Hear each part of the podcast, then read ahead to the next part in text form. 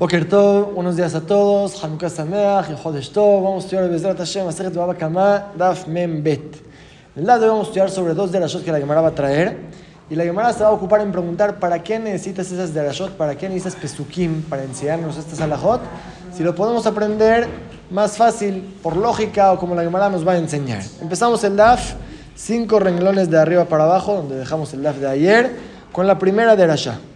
Y antes de comenzar, vamos a dar una introducción importante para nuestra Gemara. La Torah dice que si hay dos personas que se están peleando y al lado de ellos hay una mujer embarazada, y sin querer uno en vez de golpear al compañero, golpeó a la mujer y perdió su bebé.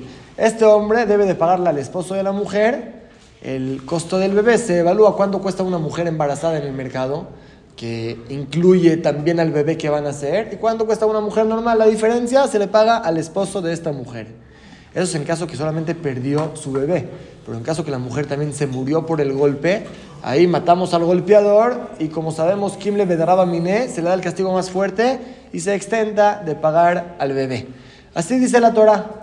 Sobre este pasuk, la Gemara dice ahora la de Rasha, Taña, y estudiamos una verdad que dice, va a la shorna aquí, lo que dice sobre un toro manso que daña, que el dueño está limpio, al toro lo apedreamos, y el dueño está limpio. ¿Limpio de qué? Rabio Segili, Omer Rabio Segili dice, Nakimit Mevladot, está exento de pagar el bebé. Un toro que golpeó a una mujer y perdió su bebé, está exento el dueño de pagar el bebé. Así se aprende de este pasuk. Así dijo Rabio Segili. Amaro Rabbi Akiva le preguntó a Rabbi Akiva, ¿para qué necesitas este pasuk? Haré Omer si el pasuk ya dice, Kinatsu Anashim, cuando se peleen personas, Anashim Veloshvarim. Claramente el pasuk está hablando sobre personas no sobre toros. Quiere decir, Rabbi le está preguntando a Rabbi Segeli, ¿para qué dices las palabras Ubal Shorna aquí? Que el dueño del toro está limpio de pagar el bebé. ¿Para qué esas palabras? Si tenemos otro pasú que dice, todo este cuento fue cuando dos personas se pelearon. Se entiende que si son toros, un toro que golpea a una mujer, ahí no aplica esta alhaja. Es la pregunta de Rabbi Akiva y hasta el final de la Amud la Gemara se va a ocupar en responder, según Rabbi Yosef y ¿para qué necesitamos los dos pesukim? También que a te diga, el dueño del toro está limpio de pagarle el bebé, y también el paso que dice, estamos hablando cuando dos personas están peleando, no cuando el toro golpeó a la mujer. Pregunta la Gemara Shapir Kamar Rabbi Akiva, muy bien preguntó Rabbi Akiva. Ama Rabul de Rabbi, contestó Rabul de Rabbi, y se necesitan los dos pesukim, porque salga Tajamina podríamos explicar el segundo pasuk, el que dijo Rabbi Akiva, Anashim. La Torah habla sobre, sobre personas. De los Shvarim Adomim la Anashim. Viene a excluir toros que se parecen a personas. ¿Qué es un toro que se parece a persona? Manashim Muadim. Así como cuando una persona daña desde un principio paga completo. Shvarim Muadim. También los toros que el pasuk los viene a excluir son toros que pagan completo. Un toro corneador. Hatam, Mejaye, pero si fuera un toro manso, tal vez sí debe de pagar el bebé que se perdió. Katab Rahamaná, para eso la Torah volvió a la Shorna aquí, que el dueño del toro está limpio de patur, también cuando es un toro manso, está exento. Quiere decir del pasuk, que está hablando sobre personas, podrías deducir personas y no toros cuáles, toros corneadores, pero un toro manso tal vez sí debería pagar. Para esto la Torah escribió Shorna aquí, así opina Rabbi Osageli para exentar también a un toro manso de pagar al bebé amarrada. Pero Raba dice, no es lógico lo que hubieras pensado. ¿Que acaso es lógico que Yatziva Beara de Giora Bishmeshmaya, que el civil está abajo y el extranjero está hasta arriba? No es lógico. Normalmente uno que vive aquí en la ciudad está mucho más arriba que uno que apenas llegó de otro lugar. También aquí, no es lógico decir que el toro corneador que golpeó a una mujer y perdió su bebé está exento de pagar. El toro manso que golpeó a una mujer y perdió su bebé va a tener que pagar, que el toro manso es más estricto que un toro corneador. Normalmente es al revés. El toro corneador siempre paga más que un toro manso. Entonces vuelve la pregunta, ¿para qué necesitas dos pesukim? ¿Por qué no te alcanza con enseñarnos? El pasuk está hablando sobre personas, no sobre toros. Yo entiendo que habla sobre todos los toros. Él amarraba, si no explicó Rabbi se necesitan los dos pesukim.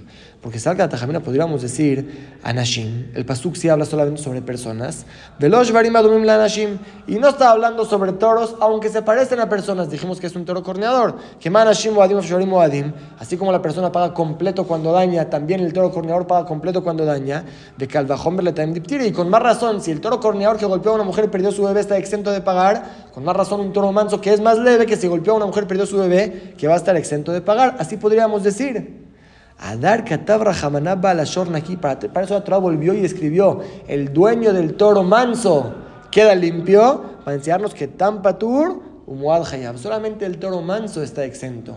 Toro corneador que golpeó a una mujer y perdió a su bebé, sí debe de pagar. Quiere decir, según Raba, es cierto que del pasú de Rabbi Akiva, que deduce lo que la Torah dice personas y no toros, ya puedo entender que cualquier toro que golpeó a una mujer está exento de pagar al bebé. Pero yo diría, habla en todos los toros, sea un toro manso, sea un toro corneador. Para eso la Torah escribió, el dueño del toro está limpio para enseñarte, no que el toro manso está limpio, eso ya lo aprendí del pasú Rabbi Akiva para enseñarte que solamente el toro manso está limpio, pero el toro corneador que golpeó a una mujer sí debe de pagar. Es un hidush de rama, que del pasuk que está hablando sobre el toro manso deducimos para el toro corneador que sí debe de pagar al bebé. Amarle a Valle le pregunta a Valle, él me según la de la que hiciste, entonces Gabe Boshet También con respecto a avergonzar, vamos a decir lo mismo. ¿Cuál es el caso que la Torah habla? que de ahí se aprende que cuando uno avergüenza a su compañero hay que pagarle. La Torah habla de dos personas también que se están peleando y uno le está pegando a su compañero. Llega la esposa del que le están pegando para salvar a su esposo, agarra los testículos del que le está golpeando y así el otro le da mucha pena, lo avergonzó y deja a su esposo. Dice la Torah, esta mujer le debe de pagar a este hombre la vergüenza que lo avergonzó. Ahí también la Torah dice cuando se pelean dos personas entonces vamos a deducir, según tu Rada, Anashim de los la Anashim. Solamente cuando son personas que se avergüenzan uno al otro deben de pagarle. No cuando es un toro que se parece a una persona que avergonzó a una persona. ¿Qué, quiere decir que se parece a una persona? Manashim Moadim, así como la persona paga completo desde la primera vez. Afsharim Moadim también el paso que están sobre toros, coordinadores que pagan completo, y con más razón, si es un toro manso que va a estar exento, un toro que avergonzó a otro a otra persona, está exento, solamente se paga el daño del trono, no la, vergüenza que le hizo. Si llega un animal y le quita la ropa a una persona y la avergonzó a mitad de la calle, no le debe de pagar la vergüenza. Adar Katav Rahmana, según tu Rabba, cuando la Torah vuelve y escribe, va a la aquí, que el dueño del toro manso es limpio, según tu deducción, entonces va a ser que tan patur, umuad hayab, solamente el toro manso está exento de pagar la vergüenza, pero un toro corneador va a tener que pagar si avergüenza a una persona, la laja no es así. Vejité imagina, va a decir, sí, según Rabbi de Lili, debe de pagar. Y Aji, si es así, que el itne que me diga, va a la shornaji, que se aprende las palabras, el dueño del toro manso queda limpio. Rabbi de Lili, Rabbi debe de decir, Patur mevladot umi boshet, está exento también de pagar si es que perdió la mujer a un bebé por su golpe, y también está exento de pagar si es que avergonzó. Un toro corneador, en cambio, sí va a tener que pagar. Quiere decir, le pregunta a Vaya Raba, según tú, que dices que lo que la Torah dijo, Uba la Shornaki, el dueño del toro queda limpio. Es para enseñarnos que solamente en toro manso queda limpio, pero toro corneador debe de pagar. Entonces sale en otra alhaja, cuando un toro avergüenza a una persona, que un toro corneador va a tener que pagar. Solamente si es un toro manso, está limpio el dueño. Si es que es un toro corneador, va a tener que pagar. La alhaja no es así. Nos vuelve la pregunta. La explicación de Rama no quedó. ¿Para qué necesitamos dos pesuquín? También un pasú que te diga, el toro corneador que dañó, él es el que debe de pagar cuando abortó la mujer por él. Si es un toro manso, no, queda limpio. Y aparte otro pasú que te diga, anashim, solamente personas y no toros. ¿Para qué dos pesuquín? El Valle de Raba de Amre Tarbayu, sino Valle de Raba explicaron los dos. Ese pasú que te dice personas y no toros, no está hablando sobre el golpe que le dieron a la mujer, que debe de pagar el aborto o no lo debe de pagar, viene a excluir otro caso. ¿Cómo? Anashim, solamente cuando son personas que se pelearon, ahí es que si en Asom Baisha y Anchu, solamente si golpearon a la mujer y no se murió, ahí deben de pagar al bebé. Pero como dijimos, si es Asom Baisha lo y Anchu, si es que la mujer se murió por el golpe, ahí no pagan el bebé, les damos el castigo más fuerte de matarlos por matar a una mujer y no van a tener que pagar al bebé. Ahí dice la Torah, Veloshvarim. Esta alhaja es solamente en personas, no en toros, de Afalgab de Shazon Yanshu, que aún que mataron a la mujer, pero también perdió a su bebé. Si es un toro, aunque los vamos a matar a ellos, a los toros, también deben de pagar al bebé. Y a Dar, aquí de Patur, para eso la Torah volvió y escribió: el dueño del toro está limpio, para enseñarnos que si es un toro manso, aunque mató a la mujer, está exento de pagar el bebé que se perdió. Quiere decir, a Valle Raba contestan, no hay doble pasú que me enseña lo mismo. Un pasú que me enseña que un toro que mató a una mujer y también perdió su bebé, aparte de lo que vamos a matar, debe de pagar al bebé, no como una persona que si mata a la mujer está exento de pagar al bebé. Y segundo pasú que me enseña que un toro manso que cornió y dañó a una mujer y perdió su bebé está exento de pagar al bebé. Son dos pesukim diferentes. Y sobre esto la hermana más pregunta sobre un detalle que Matkif la Rabada Baraba preguntó Rabada Baraba, ¿a tu beazón Taliamilta acaso depende si se murió la mujer o no para que tengan que pagar el bebé o exentarlos? Becabanata Taliamilta depende si tuvieron la intención intención de matarla. Una persona que mata a otro compañero sin querer, no lo matamos. Y si no lo matamos, va a tener que pagar el bebé que se perdió. aquí no depende si se murió la mujer o no. El ama Rabada Baraba, si no cambió un poquito Rabada Baraba, la misma respuesta que antes, pero con un cambio chiquito. Anashim, cuando son dos personas que se pelearon, Kinit Kavnuz de la Z, cuando tuvieron intención de golpear uno al compañero y sin querer se les fue y uno golpeó a la mujer, a Falgab Shesh Baisha, aunque la mujer se murió por este golpe, ya que fue sin querer, y Anshu debe de pagar el bebé, ya que no lo vamos a matar, fue sin querer lo que hizo, entonces sí debe de pagar el bebé. Si tuvo intención de golpear a la mujer misma y matarla, ahí sí, lo vamos a matar por matar a una persona, no va a tener que pagar el bebé. Eso solamente en personas. De los Barim, por el caso de los toros, podemos decir que aunque tuvieron intención de matar a la mujer, aparte de lo que los vamos a matar, también van a tener que pagar al bebé que se perdió. Katab Rahmana, para eso otra vez escribió para aquí, el dueño del toro queda limpio, Diptire, que está exento de pagar al bebé. Dejen que Ata Rabhagai Midaroma, estén cuando llegó Rabhagai del sur, Ata Baita Matita Beade llegó y trajo una berraita en su mano que bate de Rabada Barada, que apoya la explicación de Rabada Barada. O sea, que Rabio Galí, el motivo que necesita dos pesukim, uno es para enseñarte que la diferencia entre personas y toros, que cuando es una persona que golpeó a una mujer con intención de matarla, lo matamos y ahora no paga lo que se perdió el bebé porque le damos el castigo más fuerte. En cambio, un toro que mató a una, a una mujer, aunque lo matamos al toro, va a tener que pagar al bebé, pero en caso que es un toro manso, va a la shorna aquí, para eso viene el segundo pasú que te enseña, el dueño del toro queda limpio, no debe de pagar el bebé, solamente en caso que es un toro corneador. Ya se explicó la primera de ya de estas palabras. La Imara pasa a otra de ya que se aprende uva a la shorna aquí, que el dueño del toro manso queda limpio. ¿Queda limpio de qué? Dice la Gemara Tañeda, de Jesús Braita, va a la shorna aquí, el dueño del toro queda limpio. Rabbi Akiva, Rabbi Akiva dice, Naki midme evel. Está exento de pagar en caso que mató a un esclavo. La alhaja es como la Torah dice, que un toro corneador que mata a un esclavo, cueste el esclavo lo que cueste, siempre se paga 30 monedas de plata al dueño del esclavo. O sea que el esclavo cuesta 100 monedas, o sea que el esclavo cueste 10 monedas, se paga una cuota fija, 30 monedas de plata al dueño del esclavo. Eso solamente cuando es un toro corneador. En caso que es un toro manso, dice el pasuku va a la shorna aquí, el dueño del toro queda limpio, no debe de pagar esta multa sobre el esclavo muerto. Al toro lo van a matar, pero los 30, las 30 monedas extras no se pagan. Si nos acordamos, en el DAF de ayer, Rabbi Eliezer dijo algo parecido, que un toro manso que mató a una persona, aunque matamos al toro, pero no se debe de pagar ni siquiera la mitad del cofre. Cuando es un toro corneador que mata a una persona, se paga todo el cofre completo. Cuando es un toro manso, no se paga ni siquiera la mitad del cofre. Ahí Rabbi Akiva le preguntó a Rabbi Eliezer, ¿para qué necesitas pasuk? También sin pasuk, ¿de dónde uno se cobra cuando un toro manso lo daña? Del toro mismo. El dueño no debe pagar de su bolsa, se cobra uno del toro mismo, máximo según el valor del toro. Entonces aquí que van a pedrear al toro, ya no hay de dónde cobrarse. ¿Para qué es un paso que te enseñe que no se paga la mitad del cofre si no hay de dónde cobrarse? Así le preguntó Rabbi Akiva Rabbi Eliezer. Pregúntale a Gemara ahora sobre Rabbi Akiva mismo. ¿Qué viene Rabbi Akiva y dice? Hay un pasú que me enseña que un toro que mató a un esclavo, el dueño no debe de pagar las 30 monedas extras. ¿Para qué necesitas pasuk? Si de por sí van a matar al toro, ya no hay de dónde cobrarse. La misma pregunta que Rabbi Akiva le preguntó a Rabbi Eliezer, pregúntatela a ti misma. Es lo que pregunta la Gemara. Pregunta la Gemara, Benem Rabbi Akiva el que se pregunta Rabbi Akiva a sí mismo, si el toro manso, ¿de dónde se cobra uno? Solamente del cuerpo del toro. Había ole beddin, vishalem leja, a ver, tráelo al beddin que te pague. No está, ya lo apedrearon, ya no hay de dónde cobrarse. ¿Para qué es un pasuk especial que te enseñe que el dueño está exento de pagar las 30 monedas del esclavo si ya no hay de dónde cobrarse? La misma pregunta que la le preguntó a Rabbi Eliezer, ahora la Gemara le pregunta a Rabbi Akiva. Amar Shmuel contestó, estamos hablando que Shekadam Be'ala que el dueño, antes de que lleven el toro al Bedín, fue rápido y lo degolló. Antes de que el Bedín opine, que dictamine en su juicio que hay que matar a este toro, fue rápido con el shohat, él estaba seguro lo que le van a decir, le hizo shejita, ya está la carne esta carne se puede comer.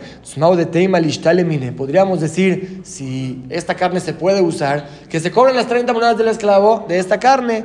Kamash Malan, para eso vino la Torah y te dijo, oí Lubarkatlau, ya que a este toro deberían matarlo, a Falgab de Shachté, aún que lo degollaron, lo lishtalemine, no se cobra de eso. Es lo que dice el Pasukubá, la Shorna aquí, el dueño del toro está limpio, no debe de pagar las 30 monedas de esta carne. Así contesta Rabbi Akiva. Para eso se necesita el pasuk. Pregunta la Gemara entonces, ¿qué te pasó en el laf de ayer? Y si es así, le ¿por qué le preguntaste a Rabliezer? ¿Cuál es el caso que el pasuk necesita decirte que un toro manso que pagó no paga ni siquiera la mitad del cofre? En un caso que el dueño rápido lo llevó al shohet, le hizo shejita, de esa carne no se va a cobrar. Lo mismo que te contestaste a ti mismo, contesta la rapidez, porque a Rablezer le preguntaste. Dice la Gemara, me sí, Rabbi Akiva sabía esa respuesta. De saber, pero dijo, Dilma itleta, tal vez Rablezer va a tener una respuesta mejor de la que yo sé. Entonces mejor le preguntó a ver quién me contesta. Y Rablezer en verdad no le contestó esta respuesta. Rablezer le contestó, ¿sabes para qué se necesita el pasuk? Para el caso que el toro tuvo intención de matar a un animal y sin querer mató a una persona. Ahí no se mata al toro, lo que dañó fue sin querer. Podríamos decir que sí mate, que sí pague la mitad del cofer. Para eso vino el pasuk y te dijo, no pagas. Rabbi se fue con otra respuesta, no con la de Akiva. Pregunta la Gemara, entonces, Veneima le, Rabbi Namel le. Shekadamush Jato. ¿Por qué Rabbi no le contestó que en verdad estamos hablando cuando el dueño lo hizo Shechitá antes de que lo llevaron al Beddin? Y ahí es el caso que podrías decir, pagas medio cofre de la carne y el pasuk dice, no, estás exento de pagarlo. ¿Por qué Rabbi no contestó así? Amar te dice Rabliezer, no te contesté así porque no me gustó la respuesta. Atam, solamente en ese caso que yo te dije,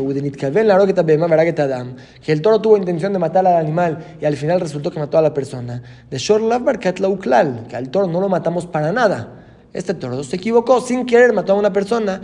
Ahí salga Tajamina Nijaye. Podríamos decir, bueno, si no matas al toro, por lo menos paga la mitad del cofre del cuerpo de este toro que sigue vivo. Y se dijera le para eso se necesita un paso que te diga, no, cuando es un toro manso está exento de pagar tan siquiera la mitad del cofre. Abalaja de mi cara barcat lava. Pero aquí que tu toro mató a un esclavo y hay que matarlo. Ah, corriste con el chojet y le diste shejitá. Pero es lógico que ya que este toro debe de morir, no se puede usar la carne. De no necesito el pasuk aunque le hagan shejitá. Claro que no se va a poder cobrar de esa carne. Es lo que Rabbi le dice a Rabbi Akiva. Yo te contesté muy bonito. Y no me gustó tu respuesta porque en caso que es un toro que hay que matarlo si le hicieron shejitá, claro que no se va a poder comer esta carne. Pero tú Vienes y traes un pasuk, va a la shorna, aquí el dueño del toro está exento de pagar las 30 monedas de un toro que mató a un esclavo. Si a este toro lo van a matar, aunque lo llevaste a la shejita, pero debe morir este toro, claro que no hay de dónde pagar esas 30 monedas. ¿Para quién es un pasuk? Así le pregunta Rabbi de Rabbi Akiva. Dice Rabbi Akiva, va de Akiva, ¿qué va a hacer con esta pregunta? Es una pregunta fuerte. Él ama Rabasí, si no contestó Rabasí. Ay, Milta, esta respuesta. Mi pide Gabra Rabashmial y la escuché de un tren jaja muy grande. Humano, ¿y quién es? Rabbi Barjanina. Rabbi me contestó. ¿Para qué Rabbi Akiva necesita enseñarnos que un toro manso que dañó, que mató a un esclavo, no paga las 30 monedas de plata? ¿Para qué necesitamos este pasuk? Porque salga Tajamina podríamos decir, o ama Rabbi Akiva, que Rabbi Akiva tiene un hindush grande. Él dice que todo lo que un toro manso paga la mitad del daño es cuando mata o cornea o daña a, una a un animal o a utensilios. Pero si un toro manso daña a una persona, paga completo. Así dijo Rabbi Akiva, Aftam Shechaval Adam, aún un manso que daña a una persona, Meshalem va a motarnes de Shalem, paga completo. Hubiéramos dicho que la tiene que se paga completo. Entonces compara un toro corneador cuando daña a una persona. Entonces, Mishalem Named podríamos decir, así como cuando un toro corneador mata a un esclavo, paga 30 monedas, también cuando un toro manso mata a un esclavo, va a tener que pagar 30 monedas. Para eso que Tabrahmanaba, la aquí, la Torah escribió, el dueño del toro queda limpio. Quiere decir, es cierto que un toro manso se cobra solamente hasta el valor del toro, pero eso es cuando daña a otro toro. Según Rabbi Akiva, si daña a una persona, se paga completo. Podríamos decir cuando mató a un esclavo que paga las 30 monedas de plata. Para eso la Torah te dijo, va la aquí para enseñarte que está exento. Sigue preguntando la Gemara, Amal Rabzela Rabasi, le preguntó a Rabzela Rabasi, toda tu respuesta está basada en eso que según Rabbi Akiva, un toro manso que daña a una persona paga completo. Por Rabbi Akiva mismo se retractó de lo que dijo. Rabbi que dijo que un toro manso que daña a una persona paga completo se retractó de daño como dice la braita. Rabbi Akiva, Rabbi dice, tal vez el toro manso que daña a una persona paga completo de su bolsa el dueño, tal mundo más bien el paso que dice que a mis patas de ella hácelo. Como esta ley se le hará, como la ley de un toro manso, que mi gufó me no me solamente paga hasta su valor, no paga de su bolsa. Entonces Rabbi Akiva mismo se retractó. Si se retractó, entonces el toro manso que daña a una persona va a pagar solamente la mitad del daño y se paga de su cuerpo. Entonces vuelve la pregunta. Tú Rabbi Akiva, que aceptas con la alhaja que un toro manso que daña se paga máximo de su cuerpo. Y este toro manso que mató a un esclavo lo vamos a matar, lo vamos a pedrear. Entonces, ¿para qué es un pasuque especial que te enseñe? Pero el dueño está exento de pagar las 30 monedas de plata que se pagan por un esclavo. Aquí no hay de dónde cobrarse, aunque tenga que pagar, no hay de dónde cobrarse. El toro ya está muerto, ya está apedreado, no se puede usar la carne del toro.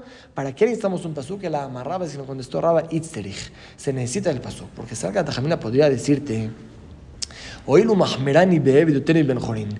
Ya que hay un punto que es más grave cuando mi toro mata a un esclavo, más que si mata a una persona libre normal. Ben Jorin, porque si mata a una persona normal, ya fe no ten. Si el muerto costaba en el mercado un cela, va a pagar el toro solamente un cela de multa de cofer. Shloshim, no tienes shloshim, si cuesta 30, va a pagar 30 según el valor del muerto. Pero Eben, en el esclavo ya dijimos que afluya fe cela, aunque cueste nada más un cela, no tienes shloshim, debe de pagar 30. Vemos que es más estricto cuando un esclavo se muere por mi toro que cuando mata a una persona normal. Entonces, Mishtalem Named Meved Minalia podría decir, aunque normalmente cuando un toro manso daña, paga la mitad, es una persona normal, pero cuando es un esclavo que mató, ahí es más estricto. ¿Ves? Que siempre paga 30 aunque el esclavo cueste menos. Podríamos decir también hay que pagar siempre 30 aunque el toro se va a apedrear. Katab para eso el Pasuk tuvo que escriir, va la aquí, que el dueño del toro queda limpio, que no paga las 30 monedas de plata. Ya contestamos a Rabia Akiva y Tania bate de Raba. Hay una braita que claramente explica lo que dijo Raba. Dice el Pasuk, va la aquí, el dueño del toro queda limpio. ¿Queda limpio de qué? Rabia Akiva, vamos a explicar Rabia Akiva aquí no debe de pagar en caso que su toro manso mató a un esclavo. ¿Y por qué pensaríamos que sí? Dice, dice la braita, Valodinu, podríamos decir una razón para exentarlo sin el pasuk, oil ben ya que el toro debe de pagar cuando mata a un esclavo y debe de pagar cuando daña a una persona normal. ben así como cuando el toro daña a una persona normal, o bentam hiciste diferencia si es un toro manso que paga la mitad o un toro corneador que paga completo.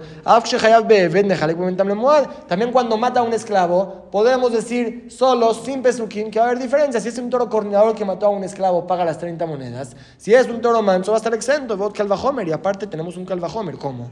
Uma ben tengo el llovió. Sí, cuando el toro mata a una persona libre, que se paga su valor completo. Si cuesta 100 cela, se paga 100. Hiciste diferencia entre un toro manso que paga la mitad y un toro corneador que paga completo. Al esclavo que aunque cueste 100, pagas nada más 30. No con más razón que si es un toro manso va a estar exento. La Gemara dice, ¿para qué necesitamos pasuk? Tú, Rabia ¿para qué traes pasuk? Podemos por lógica, aprender que un toro manso que siempre es más leve que un toro corneador va a estar exento de pagar si es que mató a un esclavo. Sigue la batalla y dice pero por otro lado no. Mahmirani bebe el jorim. Tengo un punto que es más grave cuando se mata a un esclavo, cuando se mata a una persona normal. Sheben jorim, que a una persona normal, y a fe cela, no ten cela. Si es que cuesta nada más un cela, se paga nada más un cela. Shloshim, no ten shloshim. Si cuesta 30, se paga 30. Bebe, pero en cambio en el esclavo, y a fe cela, aunque cuesta solamente un cela, no ten shloshim, debe de pagar 30. Entonces es un punto más escrito cuando se mata a un esclavo, cuando se mata a una persona. Tal vez cuando un toro manso mata a un esclavo va a tener que pagar. Igual como dijimos arriba, es lo que dijo Raba, es el apoyo a Raba. Tal mundo mal para eso vino el Pasuk. Va a la Shorna aquí, el dueño del toro está exento. Naki Medeber está exento de pagar las 30 monedas por el esclavo. Esta braita apoya a Raba y ya se entendió para qué viene el Pasuk que trajo Raba va en su derasha. Y pasamos a la última parte del DAF. Como ya mencionamos, cuando dos personas se pelean y golpean a una mujer y perdió a sus bebés, se debe de pagar ese costo del bebé. ¿A quién se le paga? Dice la Gemara. Estamos Jajamín de Emit y Shoisha. Cuando un toro mata a un hombre o una mujer, Amar aquí dijo ¿para qué el que este se necesita? Si es que es para matar a un toro que mató a una mujer, como si mató a un hombre. Ahora que Barnea María dice otro pasuk que cuando un toro cornea a un hombre o una mujer, ¿para qué necesitamos este pasuk? Era la aquí si no es para igualar y comparar a una mujer a un hombre. Así como cuando el toro mata a un hombre, ¿a quién se le paga la multa? ¿A sus herederos? A Fishan es de también cuando mata a una mujer. ¿A quién va el dinero? No para el esposo, va para los herederos de ella. Pregunta la Gemara, ¿besaba Rabaquía la bala? ¿Acaso Rabaquía sostiene que el esposo no hereda a su esposa? Beataña si el pasuk dice, Yarash ota, y el esposo heredará a ella. Mi cancha de aquí se aprende que el esposo hereda a su esposa. Entonces, si un toro mató a una mujer, ¿a quién se le necesita pagar la multa? Al esposo. Él hereda todas las pertenencias de la mujer. Amar Shakish con esto Shakish lo amar, lo que habló Rabbi Akiva aquí es especial, el abekofer. Solamente en la multa extra que se paga por matar a una persona, esto va para los herederos. Toda la herencia de la mujer va para el esposo.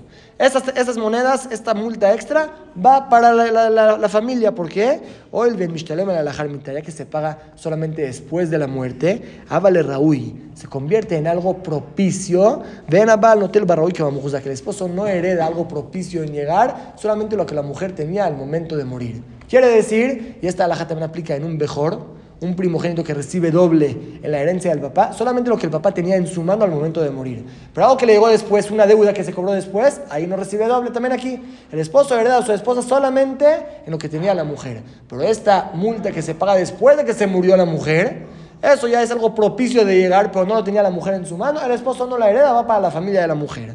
Maitama, ¿cómo sabemos que esta multa se considera que se paga solamente después de la muerte? Amarca porque Pasuk dice claramente de Mitishoisha, cuando el toro mata a un hombre o una mujer, a Shori el toro se apedrea, y también al patrón hay que matarlo, o sea, no el bedín lo mata, pero del cielo lo castigan, a menos que pague la multa. Se entiende que la multa se paga después de la muerte, después de que se mató al toro, eso es después de que se murió el hombre, es algo propicio para llegar a las manos del esposo y por eso el esposo no hereda a la mujer. Pero todo lo demás, el esposo sí se lo lleva. Pregúntale a y en un daño normal de la mujer, ahí Rabekiva sostiene que si el esposo se lo lleva, Batania, si se la braita, y cae Taishavi Atsui la si es que golpearon a la mujer y perdió a su bebé, no ten Nezek la Isha, se le paga el daño del golpe y el sufrimiento se le paga a la mujer, Udmev el hijo, el bebé que se perdió, eso sí se le paga al esposo.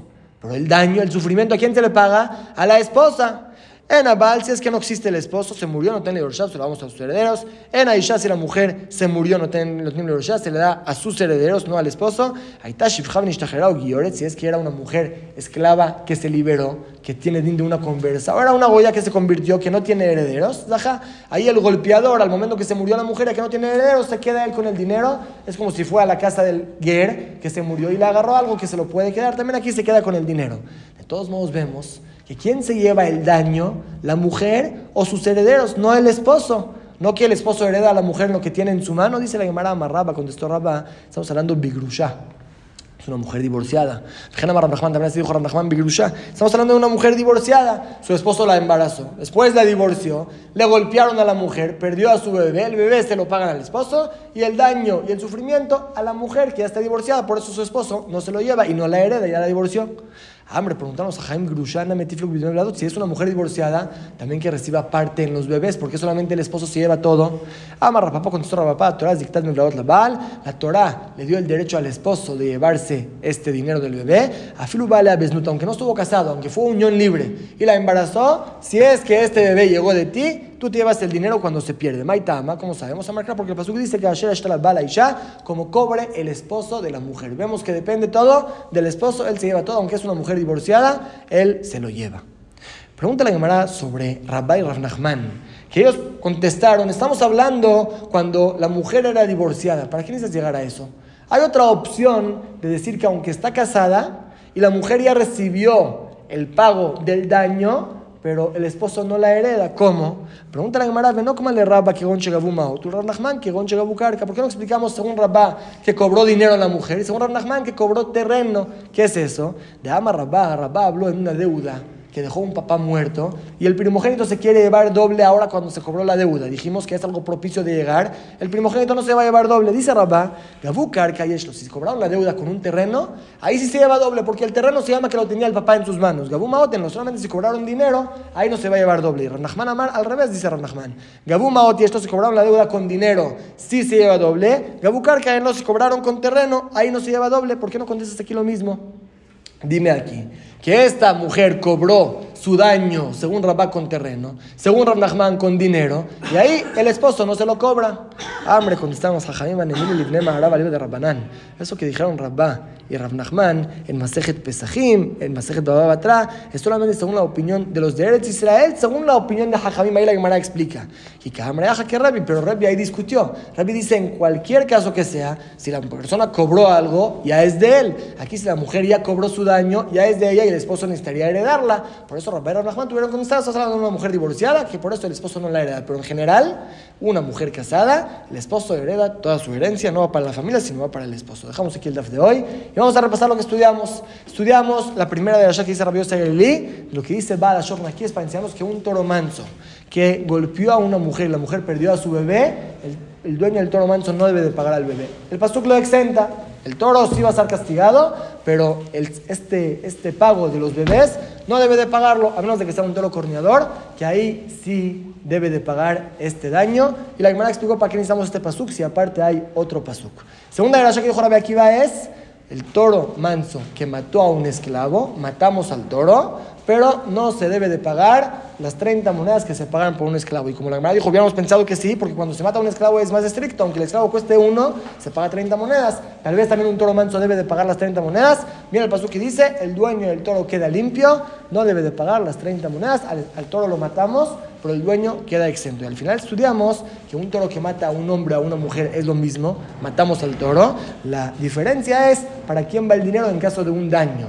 Si es un hombre, va para él o para sus herederos si se murió. Si es una mujer, no va para el esposo, va para su familia. Aunque normalmente el esposo hereda todo lo que tiene la mujer, cuando es una multa que se paga después de la muerte de la mujer, ahí el esposo no la hereda, va para su familia, ya que a la mujer no lo tuvo en su mano al momento de morir.